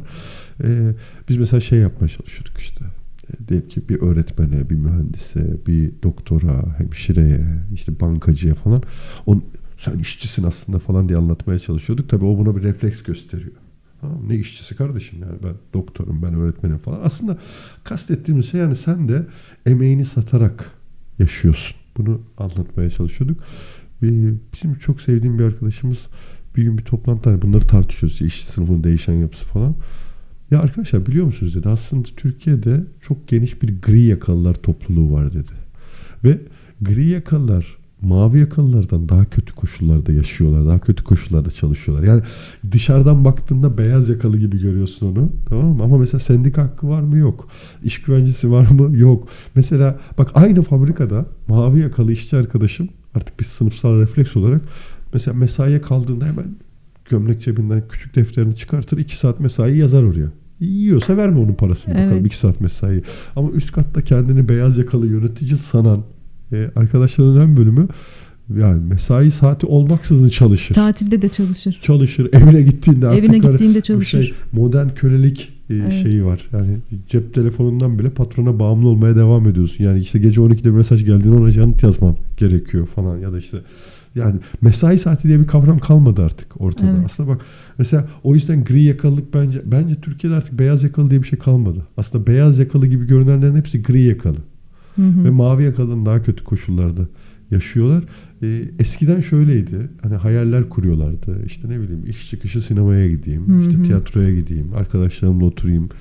e, sohbet edeyim, eğleneyim. Hani ya- yaşamın bir biçimde tadını çıkartayım falan. O kadar azaldı ki artık. Yani öyle bir şansınız yok. Yani Çok ne bileyim, mesela yurt dışında tatile gidebilen kaç kişi var mesela? Bayağı Yani azalmıştır. düşünsene ben böyle o kadar daraldı ki mesela. Yani aslında Tabii. dolayısıyla Yurt içinde kaç kişi? Yani Aa. şöyle düşün. e, Geçenlerde bir araştırma okudum. Bir kadın araştırması. E, İstanbul'da yaşayan, İstanbul Büyükşehir Belediyesi'nin yaptığı bir araştırma. E, Yüzde e, 42'si İstanbul'da yaşayan kadınların öyle bir şey duydum. Tatile gidebiliyor ama onlar da nereye gidiyor ekseriyetle? Memlekete gidiyor. Yani tatile gitmek de memlekete gitmek olarak tarifleniyor. Ya o yüzden bak şimdi mesela e, gençlerle ilgili falan da düşünüyorum bazen. Bak samimiyetle söylüyorum ben bilim tarihi okumamın da nedeni oydu. Ben çocukken mesela Gagarin olmayı hayal ettiğimi hatırlıyorum. yani o gökyüzü, uzay falan o kadar ilgimi çekiyordu ki bir de işte o Rocky 4'ü bilir misin? Evet, Orada böyle Sovyetler miyim? Birliği şey yapılıyor falan. En Ben- sevdiğim biz, odur. Bizde ters tepkide demek ki tamam ben böyle bir Sovyetler Birliği'ne hayranlık duydum orada. Belki o çok propaganda filmi ya bir taraftan. Evet. Hani ona tepki ya da bilmiyorum refleks olarak öyle okurken falan mesela astronot değil de kozmonot olmak. Tamam Gagarin olmak falan. Şimdi yani hani işin şey kısmını boş ver. siyaset Hayal kısmını. kuramıyorlar. Şimdi bak bu çok önemli bir Hayal şeydi ya. Gagarin olmak diye bir hayalim vardı benim. Ya Evrim ben üniversitede ders veriyordum Ee, ve şey değil. Ya mesela hani bugünkü gibi böyle e, ne denir apartman üniversite falan değil yani benim ders verdiğim üniversite İstanbul Teknik Üniversitesi ve dördüncü sınıfa ders veriyorum. Bak yıllarca verdim yani 4-5 yıl çalışabiliyor. AKP sağ olsun gelir gelmez bize gönderdi. Ee, her dersin ilk sorusu şuydu yani dönem başında. Hayaliniz ne diye soruyordum. İş, eş, araba. Ya, Ya. bu hayal mi ya? Gerçekten bu hayal mi yani? Bizim büyük hayallere ihtiyacımız Evet. var. Ve hani hayalleri ben mesela devrimciliği de öyle tarif ediyorum. Hayal kurarsın ve o hayali gerçekleştirmek için yapman gerekenlere odaklanırsan devrimci olursun. Bu kadar basittir aslında. Ama hayalsiz de yaşanmaz. Sorumu çaldın. ben soru soracaktım oradan. Oradan Tamam. soru soracaktım. sonuçta şunu söylüyorum. Ben e, Türkiye'de solun, sosyalist düşüncenin temellerinin aslında çok köklü e, olduğuna inanıyorum. Bunun bilince çıkması, bunun açığa çıkması konusunda bir problem vardı. Biz bunu başarabildiğimiz ölçüde e, etkili bir siyasi parti oluyoruz. E, gerçekten hani ne bileyim mesela kendisini hani ülkeyi sevdiği için ülkücü olması gerektiğini düşünen, işte ne bileyim bir dini inancı olduğu için siyasal İslamcı olması Hı. gerektiğini düşünen e, pek çok insana hayır arkadaş yani insan olduğun için solcu, sosyalist olabilirsin ve hani bunu diğer her şeyi de kapsar fikrini bir düzeyde yaygınlaştırdığımızı düşünüyorum. Hani çok büyük iş yapmadık ama e, geldiğimiz yerde bir başarımız varsa bu ve bu Yo bence çok, büyük kıymetli. iş yaptınız. Bence çok büyük iş yaptınız. Ee, kapsayıcılık bu değil mi zaten? Öyle değil mi? Yani Çok büyük bir şemsiye açtınız yani. Ya işte orada bir de bir denk geliş oldu. Ee, onu da şey yapmayalım. Yani biz mesela tip bir farklılıklar nedir diye sorarsan bana bir tek cümle yanıt vereceksem Gezi direnişini bir ders olarak anlamaya çalıştık. Ya ne oldu burada? Politik değil, sosyolojik bir ders. E tabii yani düşünsene yani o ana kadar bambaşka dünya görüşleri olduğunu düşündüğümüz insanlar çok temel bir takım ortak değerlerde Hı hı. bir araya geldiler ve hani Akıl almaz bir şey yani. Canları pahasına kendilerini sokaklara e, attılar. E, oradan öğrenemeyen bir siyasi hareketin ben Türkiye'nin geleceğinde yeri olduğunu düşünmüyorum. Bazen bana kızıyorlar işte. "E, Şunlar Türkiye'nin geleceğinde olmaz falan diyorum. Ya ne kadar kestirmeci konuşuyorsun. Hayır ya çok basit. Yani Türkiye Çok doğru. gezi sonrası diye bir gerçekle karşı karşıya. Yani bak mesela e, milattan önce milattan sonra diyoruz ya. Yani o yaşandığı gün milattan önce ve milattan sonra diye karar verilmedi değil mi ona? Biz yani 300 yıl, 500 yıl, 1000 yıl sonra dedik ya şuraya bir milat alalım diye. Bak gezi de böyle olacak. Yani e, belki henüz çok yeni o yüzden şey değil ama buna bütün kalbimle inanıyorum. Yani Türkiye tarihi ileride anlatıldığı zaman yani belki işte 50 yıl sonra 100 yıl sonra Türkiye tarihi anlatıldığında Türkiye gezi öncesi ve gezi sonrası diye anlatılacak. Başka bir şey oldu çünkü orada. Kesinlikle. Yani Ve e, bunun e, siya- hep o zaman o dönemde bunu söylüyordum. Gezi'de de araştırmalar yapan biri olarak. E, sadece politik bir hareket olarak okursak sınıfta kalırız, yaya kalırız. Çok büyük bir sosyolojik hareket. E, her şeyin sınıfsal oluşuna bir baş kaldırı. 80 ilde bunu hemen tarihe not düşelim. Bayburt hariç. 81 ilin 80'inde e, büyük bir sosyolojik e, dalgalanma oluşturan, insanlara yeni sorular sorduran ve kuşaktan kuşağa insanların el ele tutuştuğu, sadece ideolojiden ideolojiye değil, kuşaktan kuşağa da gerçekten muazzam bir hareket. Bunu iyi okumak lazım. Ve bak net bir şey söyleyeyim sana. Mesela siyaset açısından Türkiye'deki bütün siyasilerin üzerine şöyle düşünmesi lazım. Ee, hani tırnak içinde söylüyorum. En ilerici, en devrimci olan sosyalistler, komünistler benim e, dünya görüşüme göre. Ama biz bile o zaman yani eskiyi devam ettirmeye çalışarak çok büyük bir hata yaptık. Oysa çok basit. Bak şu olur. Siyasette şöyle bir şey yoktur. Yani önüne çıkan her görevi, her olanağı mutlaka değerlendireceksin diye bir şey yok. Fakat yapamadığını kabul edip ya bir dakika ya hani ben bir şey eksik yapıyorum, bir şeyi yanlış yapıyorum, bir şeyi daha iyi yapabilirim diye devam etmek gerekiyordu. Mesela bence çok çarpıcıdır bak. E, Gezi direnişinden sonra Mustafa Sarıgül'ü İstanbul'a Büyükşehir Belediye Başkanı adayı göstermek kadar yani ben bu hareketten hiçbir şey anlamadım diyecek bir yaklaşım olamazdı. Anlatabiliyor muyum? Yani mesela Türkiye değişimi niye Gezi ile beraber yaşayamadı sorusu daha radikal bir şey söyleyeyim. Buradan yola çıkarak bu bir örnek olsun. İddia ediyorum ki Türkiye'deki bütün siyasetçiler toplumun gerisinde. Bak bu son yıllarda ben sokağa çıktığımda bunu görüyorum. Bak Türkiye'nin bütün temel tartışma başlıklarını düşünüyorum. Türk-Kürt sorunu. Çık sokağa, yurttaş bunu çözdü aslında. Yani diyelim ki bundan 10 yıl, 15 yıl, 20 yıl önce Kürt dendiğinde kuyruğu var mı sorusunu düşünen insan artık Kürdün eşit yurttaş olduğunu görüyor. Mesela Alevi-Sünni gerilimi sokağa çıktığında artık çözüldüğünü görüyorsun. Kadın erkek hatta toplumsal cinsiyet açısından baktığımızda mesela LGBTİ artı hakları. Evet, hani en evet. muhafazakar kesimler bile ya bir dakika kardeşim yani burada insan hakkı tartışması yapılıyor. Refleksi gösterebiliyor. Bak bu başlıkların hiçbirisinde siyasetçiler toplum kadar ileride değil. Onlar hala ezberleriyle devam ediyorlar. Oysa Sokağa sizin- çıkmadıklarında Ne- mı dersin? Yani biraz statüko şey. Hani keyif- mahalle geziyor siyasiler seçimlerden önce Yok, o- kıraathane, esnaf, onun- mahalle. Onun bir gerçekliği yok. Ya statiko çok rahat bir Hmm. şey. Yani yerinde oturuyorsun ve hani yavaş yavaş hayat normal akışında devam ediyor diye.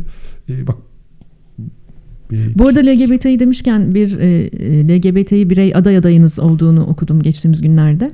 e, E, bence birden fazla olacak da. olacak mı? e, ya sonuçta biz Türkiye'deki bütün bu kırılma noktalarında ileriyi temsil etmeliyiz.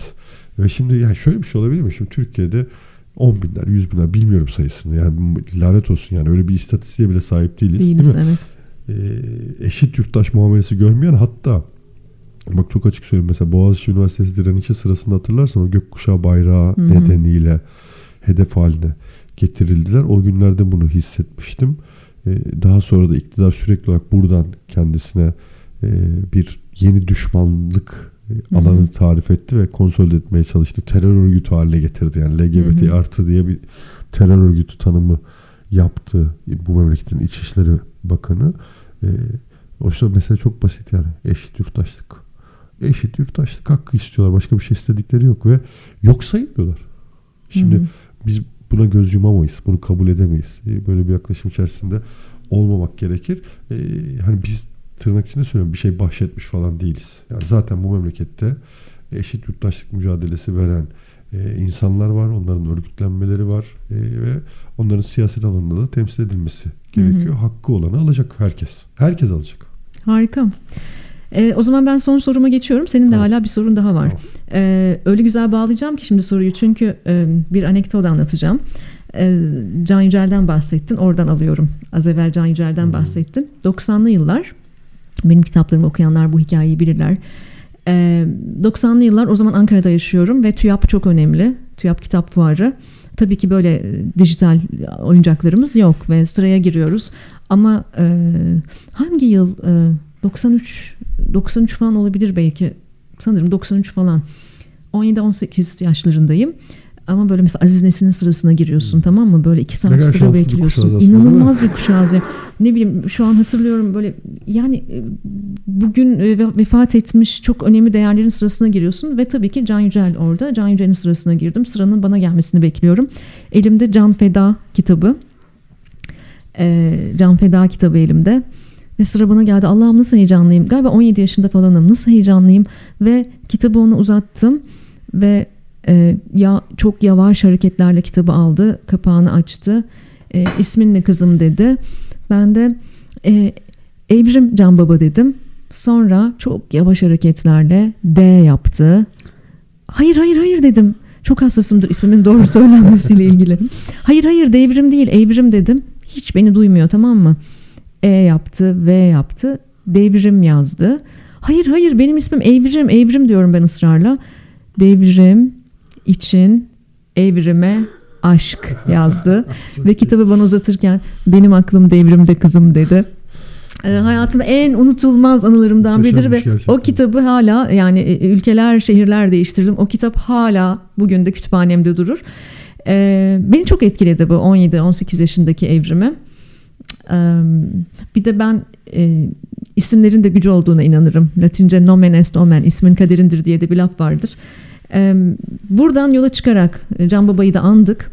Peki benim aklım devrimde diyen e, bir adam aşkta, edebiyatta, şiirde, e, Türkiye'nin e, entelektüel dünyasında gerçekten devrim yapmış. Ve şu anda kim neye inanıyorsa inansın başka bir alemde veya e, bu dünyada olmayan biri olarak e, birkaç yılda bir mezarında bile yattığı yerde devrim yapıyor. Sevmeyenler gidiyor mezar taşını kırıyor falan. Yeniden yapılıyor. Devrimci kime denir ve kime denmez? Sorun bu. Hmm.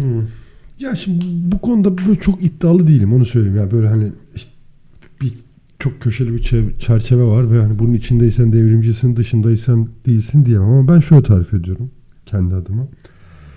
Şimdi insanlar ya da bütün insanlar böyle midir bilmiyorum ama ben mesela çok yorulunca, gerilince, sıkılınca, bunalınca falan mümkünse deniz kenarı bir yer arıyorum.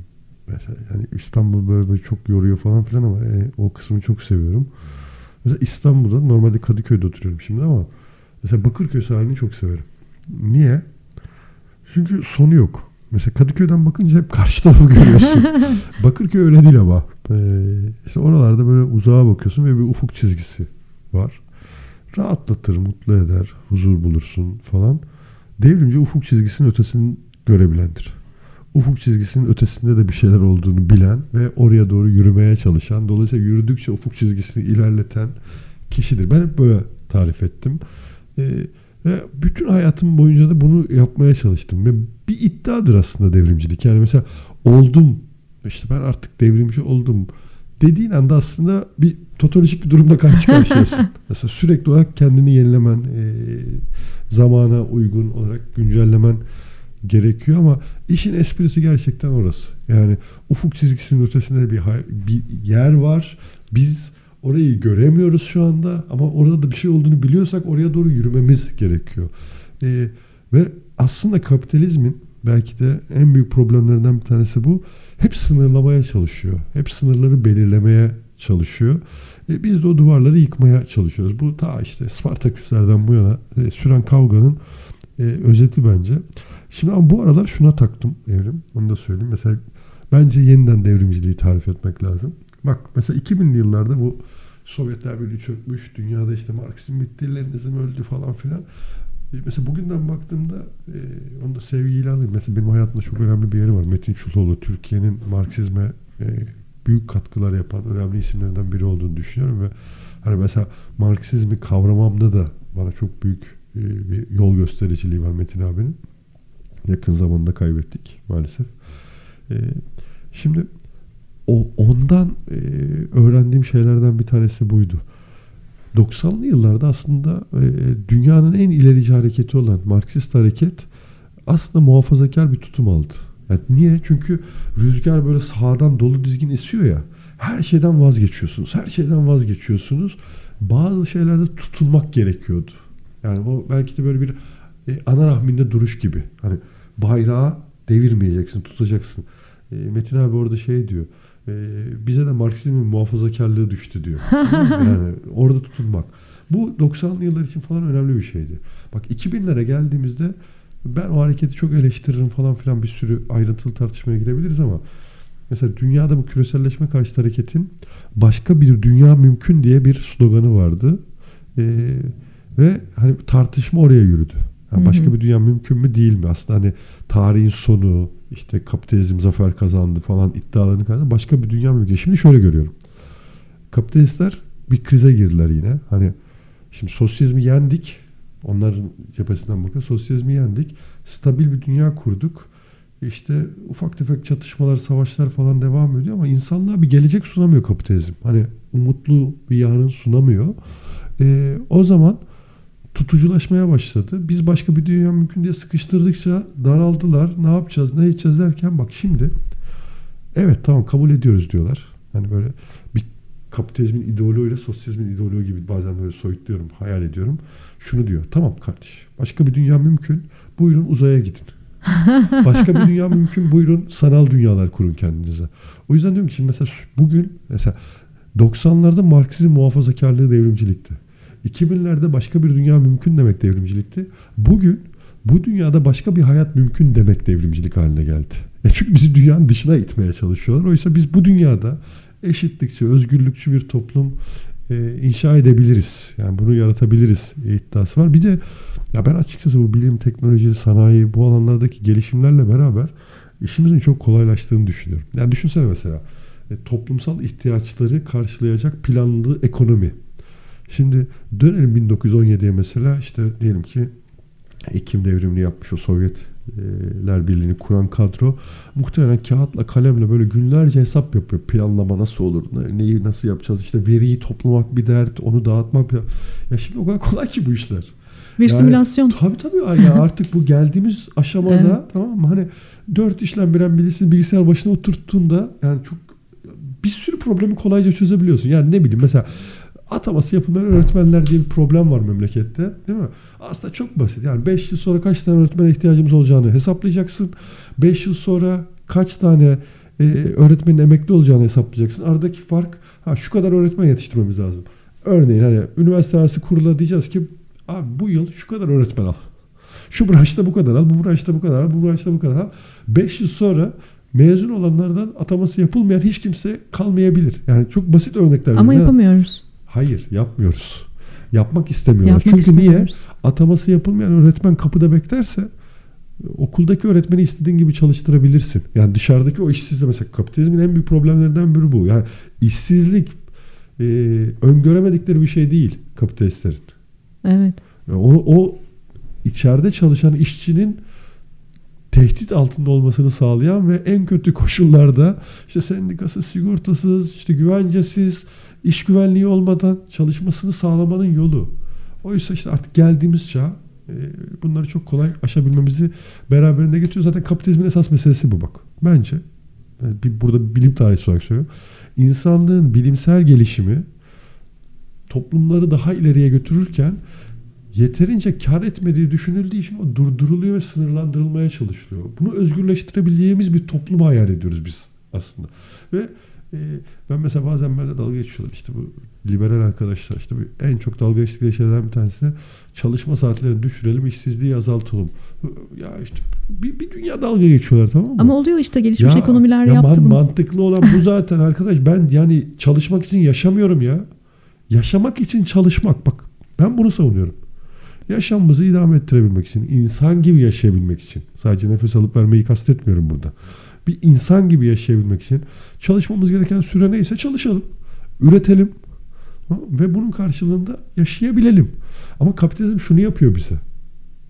Çalışmak için yaşatıyor bizi. Hı hı. Sömürebilmek için yaşatıyor. Yani dolayısıyla bunu komple değiştirmek gerekiyor. Hiç de Dev- romantik devrimci- şeyler değil anlattığın şeyler. Bazen romantik olmakla eleştiriliyorsun ama bunlar hiç de romantik şeyler değil. Ya yok ya ben böyle özel olarak hani şöyle romantik devrimcilik romantizm midir değildir. Hı hı. Ama daha insani bir şey ve Evet. insani olan dışlandığı için, küçümsendiği için eee, öyle biz aslında hani böyle biz hep slogancılıkla falan eleştiriliyoruz ya aslında böyle dikkat edersen karşı taraf yani kapitalizm yaftalayarak yaşıyor. Ya sürekli bizi böyle e, bir takım etiketler koyuyor üzerimize işte e, bunlar böyledir, bunlar şöyledir, bunlar böyledir falan. Yok ya bizim öyle e, bizim kırmızı çizgimiz var mı? Var evet arkadaş. İnsanın insanı sömürmesi doğru bir şey değil. Tamam, bunu değiştirmemiz lazım. Başlangıç noktamız burası. Mesela mülkiyet tartışmalarının falan arkasında da hep bu var aslında. Yani mesela işte yine o çok tartışılan konulardan bir tanesi konut meselesi. Ya Bayağı akıl- linçlendin orada. ya akıl dışı işte ya İstanbul'dayız 700 bin tane boş konut duruyor tamam mı? Öbür tarafta işte kiralar almış başını gidiyor ev fiyatları uçmuş durumda. Yani şimdi bu mantıksız ya birileri daha fazla para kazansın diye yani milyonlarca insan bak milyonlarca insan birileri daha fazla para kazansın diye deprem olduğunda kendilerine mezar olacak evde yaşamak zorunda kalıyor. Evet. E şimdi bunun nesi mantıklı ya? Ya gerçekten hani e, lanet olsun o düzeye çıkmayı çok hayal ediyorum. Yani bayağı oturup böyle saf bir biçimde kapitalizmle sosyalizm mukayesesi yapabileceğimiz bir toplumsal düzene gelelim ve bunları açıkça, özgürce tartışalım. E, en büyük hayallerimden bir tanesi o. E, bakalım. Çok uzak olmayan bir gelecek. Hayal kurmaya devam et. Çünkü e, bunların bir ger- e, gerçek hayatta bir karşılığı var. Az önce bahsettiğin e, dijital dünyanın izin verdiği şeyleri gerçekleştirmeme tercihi. Mesela Tom Goodwin diye bir adam var. Belki bilirsin. Dijital Darwinizm diyor buna. Hı. Çok önemsiyorum bu tanımını. Yani dijital aldı başını gidiyor. Biz gerçekten dijital sayesinde bu yeni yeni nesil araçlar, aparatlar sayesinde artık daha az çalışıp daha fazla Kesinlikle anlam üretebiliriz. Ama insanın değerler sistemi, varoluşu ve e, beklentileri dijitalin o kadar gerisinde gidiyor ki işte adam o yüzden buna dijital Darwinizm diyor. Bunu kavrayabilmeliyiz ama Tom Goodwin Digi- Digital Darwinism denen bu kitabı yazdığında ilk çıktığında kitap ben Türkiye'de kitabı anlatırken bile böyle bir dikkat ediyordum falan yani. Anladın mı yani o Bak, kadar bu o kadar kutuplaşmışız. benim de kızım benim şimdi 13 yaşında öyle düşün. Ee, demek ki 12-13 sene önce işte kızım doğmuş işte ona iyi bir baba olmaya çalışıyorsun falan işte bir sürü kitap okuyorum. Ee, dijital yerlilik, dijital göçmenlik diye bir şey okumuştum. Beni çok etkilemişti o. Ee, bir de tabii babam Almanya'da işçi olduğu için ben hani hem Yugoslavya göçmeniyim hem Almanya'da göçmen çocuğuyum falan. Ee, ve şeyi çok hatırlarım. Babamı çok erken kaybettim ben. Ee, ama babam bir şey anlatırdı. Benim Almancamın ondan daha iyi olmasına böyle bir e, şey yapardı. Atıf yapardı sürekli Hmm. işte. Niye? Çünkü ben Almancayı ana dilim gibi öğrendim. Yani Almanya'da doğduğum için. Ee, babam ise sonradan öğrendi. Şimdi şöyle düşün. Böyle bir hayatın var. Sonra çocuğun oluyor. İşte çocuğunla ilgili ne yapman gerektiğini okumaya çalışıyorsun. İşte ne bulursan ya da işte e, önemli olduğunu düşündüğün şeyleri. Bu dijital göçmenlik, dijital yerlilik makalesinde şeyi anlatıyor. Diyor ki mesela diyor Almanya'ya giden e, ilk kuşak Türk işçileri Almancayı çok iyi öğrenseler de ana dilleri gibi konuşamıyorlar diyor. E, bir bizim kuşak için işte 80 doğumlar için de diyor 80 e, ben 79 diyorum 80 doğumlar için de diyor dijital dünya böyle bir şey diyor. Bir yabancı dil gibi öğreniyorlar dijital Evet. dünyayı. Oysa Ve göçebilsin. 2000'lerde doğanlar için dijital dünya ana dilleri Evet. gibidir. Evet. Diye bir değerlendirme. Mesela bak bu o kadar önemli bir şey ki yani algı ba- ba- başka bir algı yaratıyor. Ve şimdi sende. dijital göçmen vizesi veren ülkeler var biliyorsun Evet, değil mi? işte. Aklın yolu bir yani. Aynen öyle. Dijital göçmen vizesi veren ülkeler var. Ee, Ya, bir şey e, söyleyeceğim. Senin dinleyicilerin bizi bu kadar uzun süre dinliyorlar. Ee, bizim hiç sınırımız yok ama ben e, e, 82 bölüm önce ya 20-25 dakika dinlenir dediler bana. Böyle dedi pod, ben hani podcaster oldum sonradan. Bunu çok sevdiğim için yapıyorum bu işi biliyorsun. Ee, 20-25 dakika falan en fazla dinlenir dediler ama e, dinleniyor. Hatta kağıt kalemle dinliyor sevgili 3 artı 3 dinleyicisi. Evet kağıt kalemle dinliyorlar. Ve Tamam. son soru sırası sende. Son soru bende.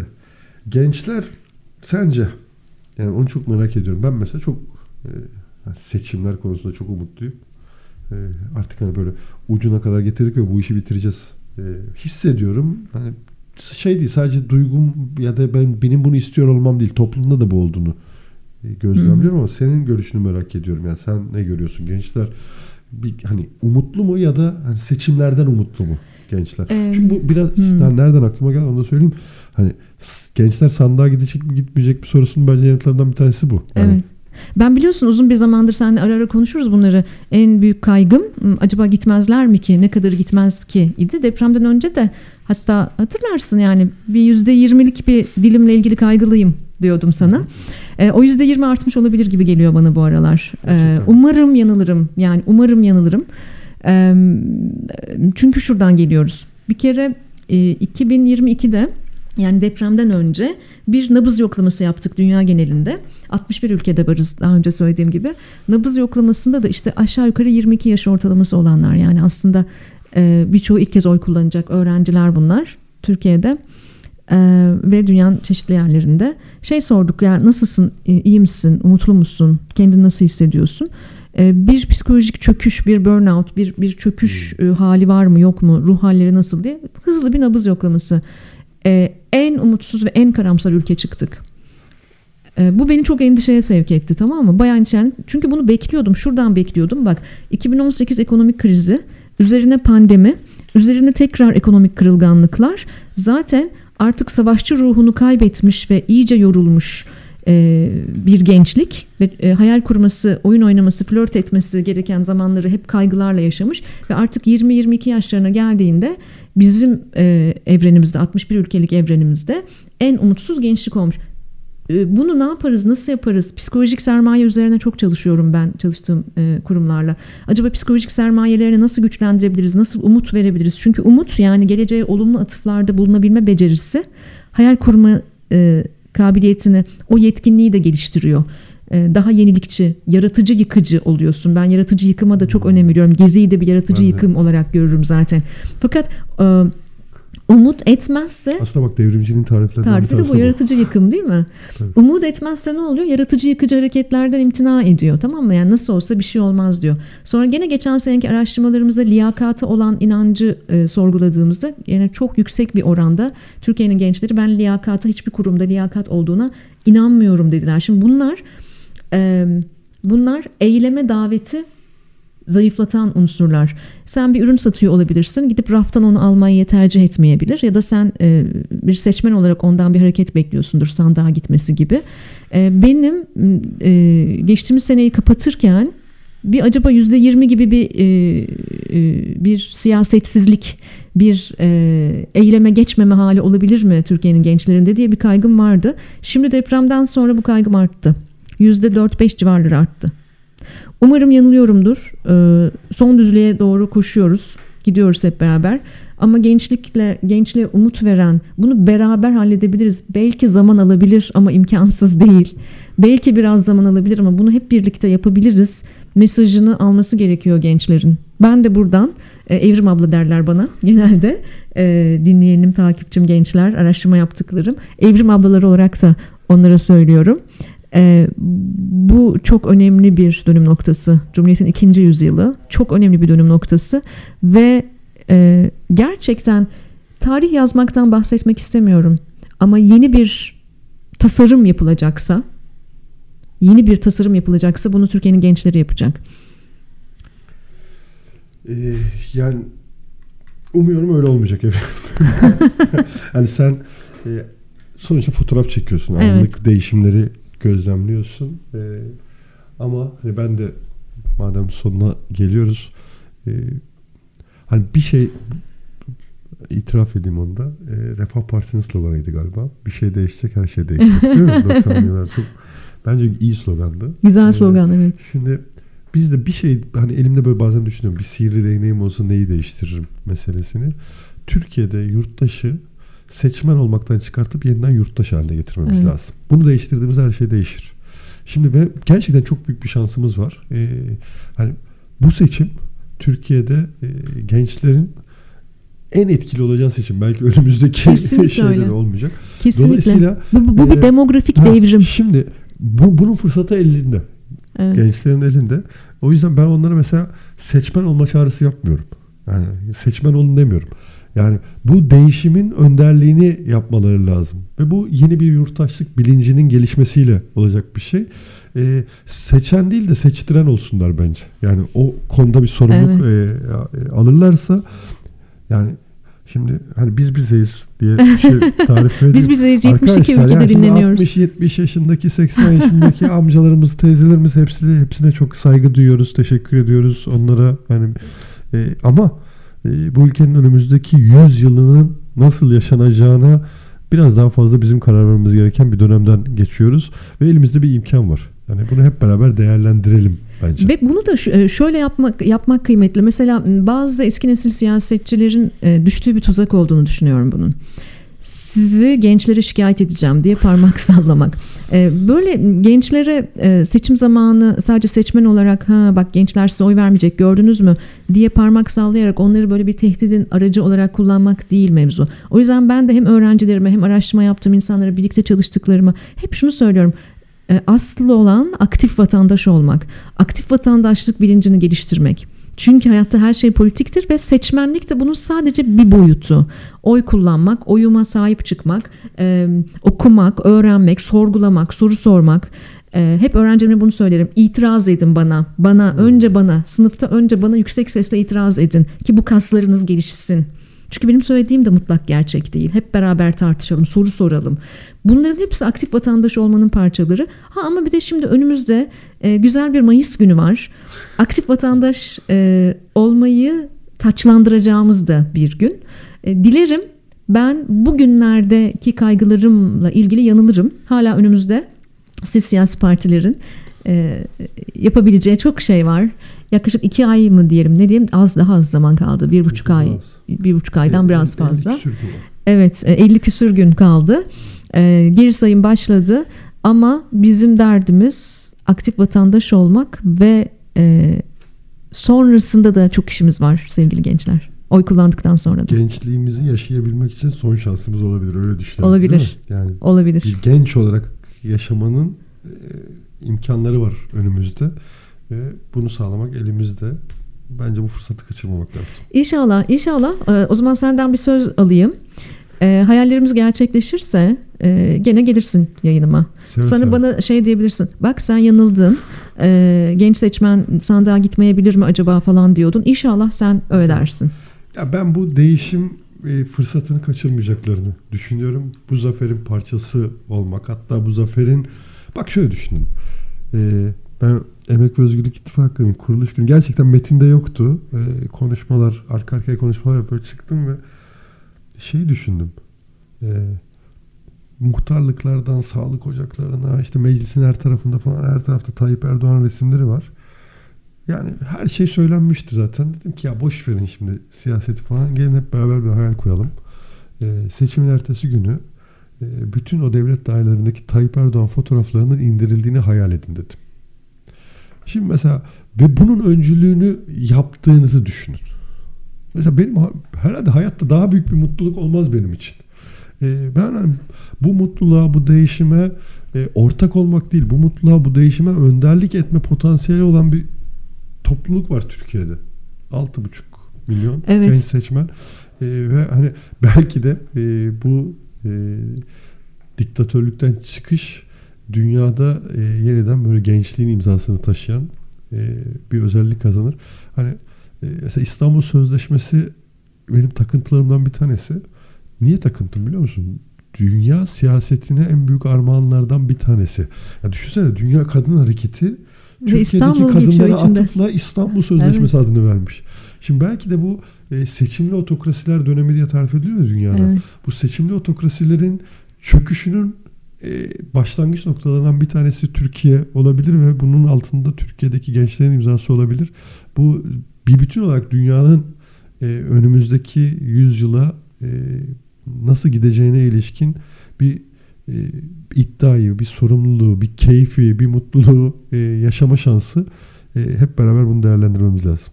Harika. Umarım öyle olacak. Ee, ümit ediyorum. Ee, hayal kuruyorum hala. 47 yaşımda hala hayal kurabiliyorsam Ee, bunu da 90'lı yıllarda öğrendiklerime borçluyum belki. Ama hayal kurmaya devam etmemiz lazım. Gençlik araştırmalarımız her geçen dönem daha az hayal kurduklarını gösteriyor. Çünkü hep söylüyorum asıl olan kadınların doyurmaları, ayakta ve hayatta kalmaları. İyi ki geldin. Uzunca bir yayın yaptık. E, epeydir e, epeydir pe- peşindeydim seni buraya e, e, stüdyoma davet etmek üzere. Beni kırmadın. Çok yoğun bir dönemdesiniz biliyorum. Bir yandan e, bölgede e, Hatay'daki çalışmalarınız bir yandan çok yoğun bir seçim süreci. E, sana çok teşekkür ediyorum. Sadece geldiğin için değil, e, seni rahatlıkla eleştirebilmemize, herhangi insanların e, seninle ilgili düşündüklerini rahatlıkla söyleyebilmelerine ve bambaşka bir e, siyaset dili ve tavrı ortaya koymana, sana, arkadaşlarına çok teşekkür ediyorum bu yüzden. E, kimin, nerenin seçmeni olduğumuz fark etmeksizin üstelik. Ben teşekkür ederim. Ben çok keyif aldım. İnşallah dinleyenleri sıkmamışızdır. Onlar da keyif e, alırlar. E, ama şey söyleyeyim. Yani umuyorum bir daha geldiğimde Mesela bilim tarihi üzerine konuşuyoruz. Felsefe Siyaset konuşuruz. konuşmayalım değil mi? Ne bileyim edebiyat konuşalım, sinema konuşalım Kesinlikle. falan. Yani Bu, öyle bir ülkemiz olsun. Böyle bir ülkemiz olsun ve e, seni e, ilk işte konuk almak istediğimde falan hazırlıkları yaparken yani siyaset sormayacağım falan diyor. siyaset sormayacağım. E, siyaset sormayacağım kesinlikle falan. Sera'yı da öyle almıştım e, önceki sene. Siyaset sormayacağım Sera sana falan diye ama e, derdimiz bu. Yani bunu öncelikle bir halledeceğiz ve ondan sonra artık e, bilim, sanat, e, edebiyat Teknoloji. Çok, çok, çok daha keyif alacağımızdan emin olun. Yeter ki öyle bir düzleme çıkalım. Eminim, eminim. Çok, çok teşekkürler. Sağ olun, ben teşekkür ederim.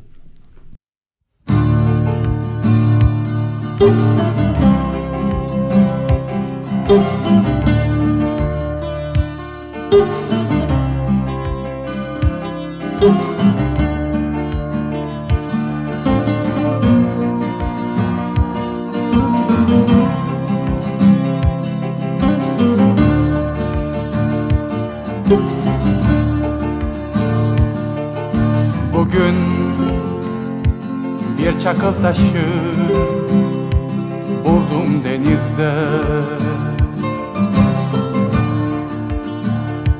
Ne senin taşın ne benim taşım Köpükler içinde.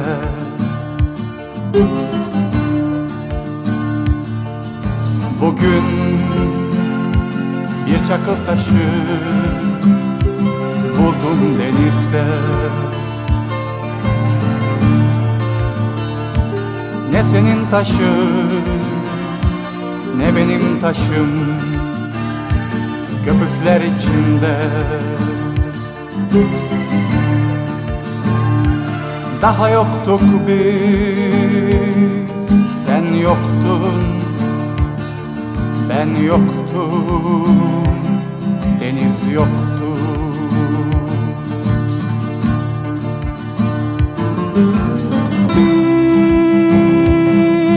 mavi göğe açılırdı kolları tanrılarında. Gülerdi toprak, gülerdi su Gülerdi toprak, gülerdi su. Bugün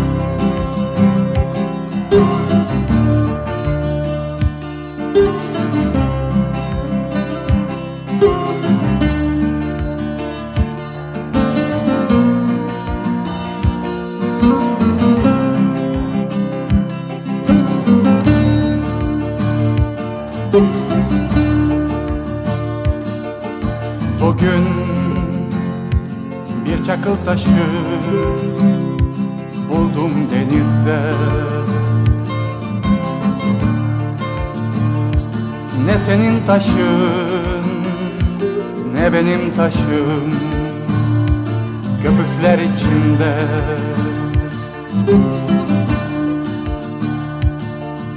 Bugün bir çakıl taşı buldum denizde Ne senin taşın ne benim taşım. Köpükler içinde. Yeşil doğdu sonra ve ardından zeytin.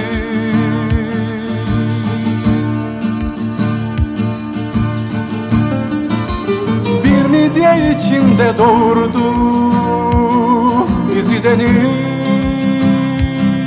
kıyısına. Bir midye içinde doğurdu bizi deniz kıyısına. Gülerdi toprak, gülerdi su. Gülerdi toprak, gülerdi su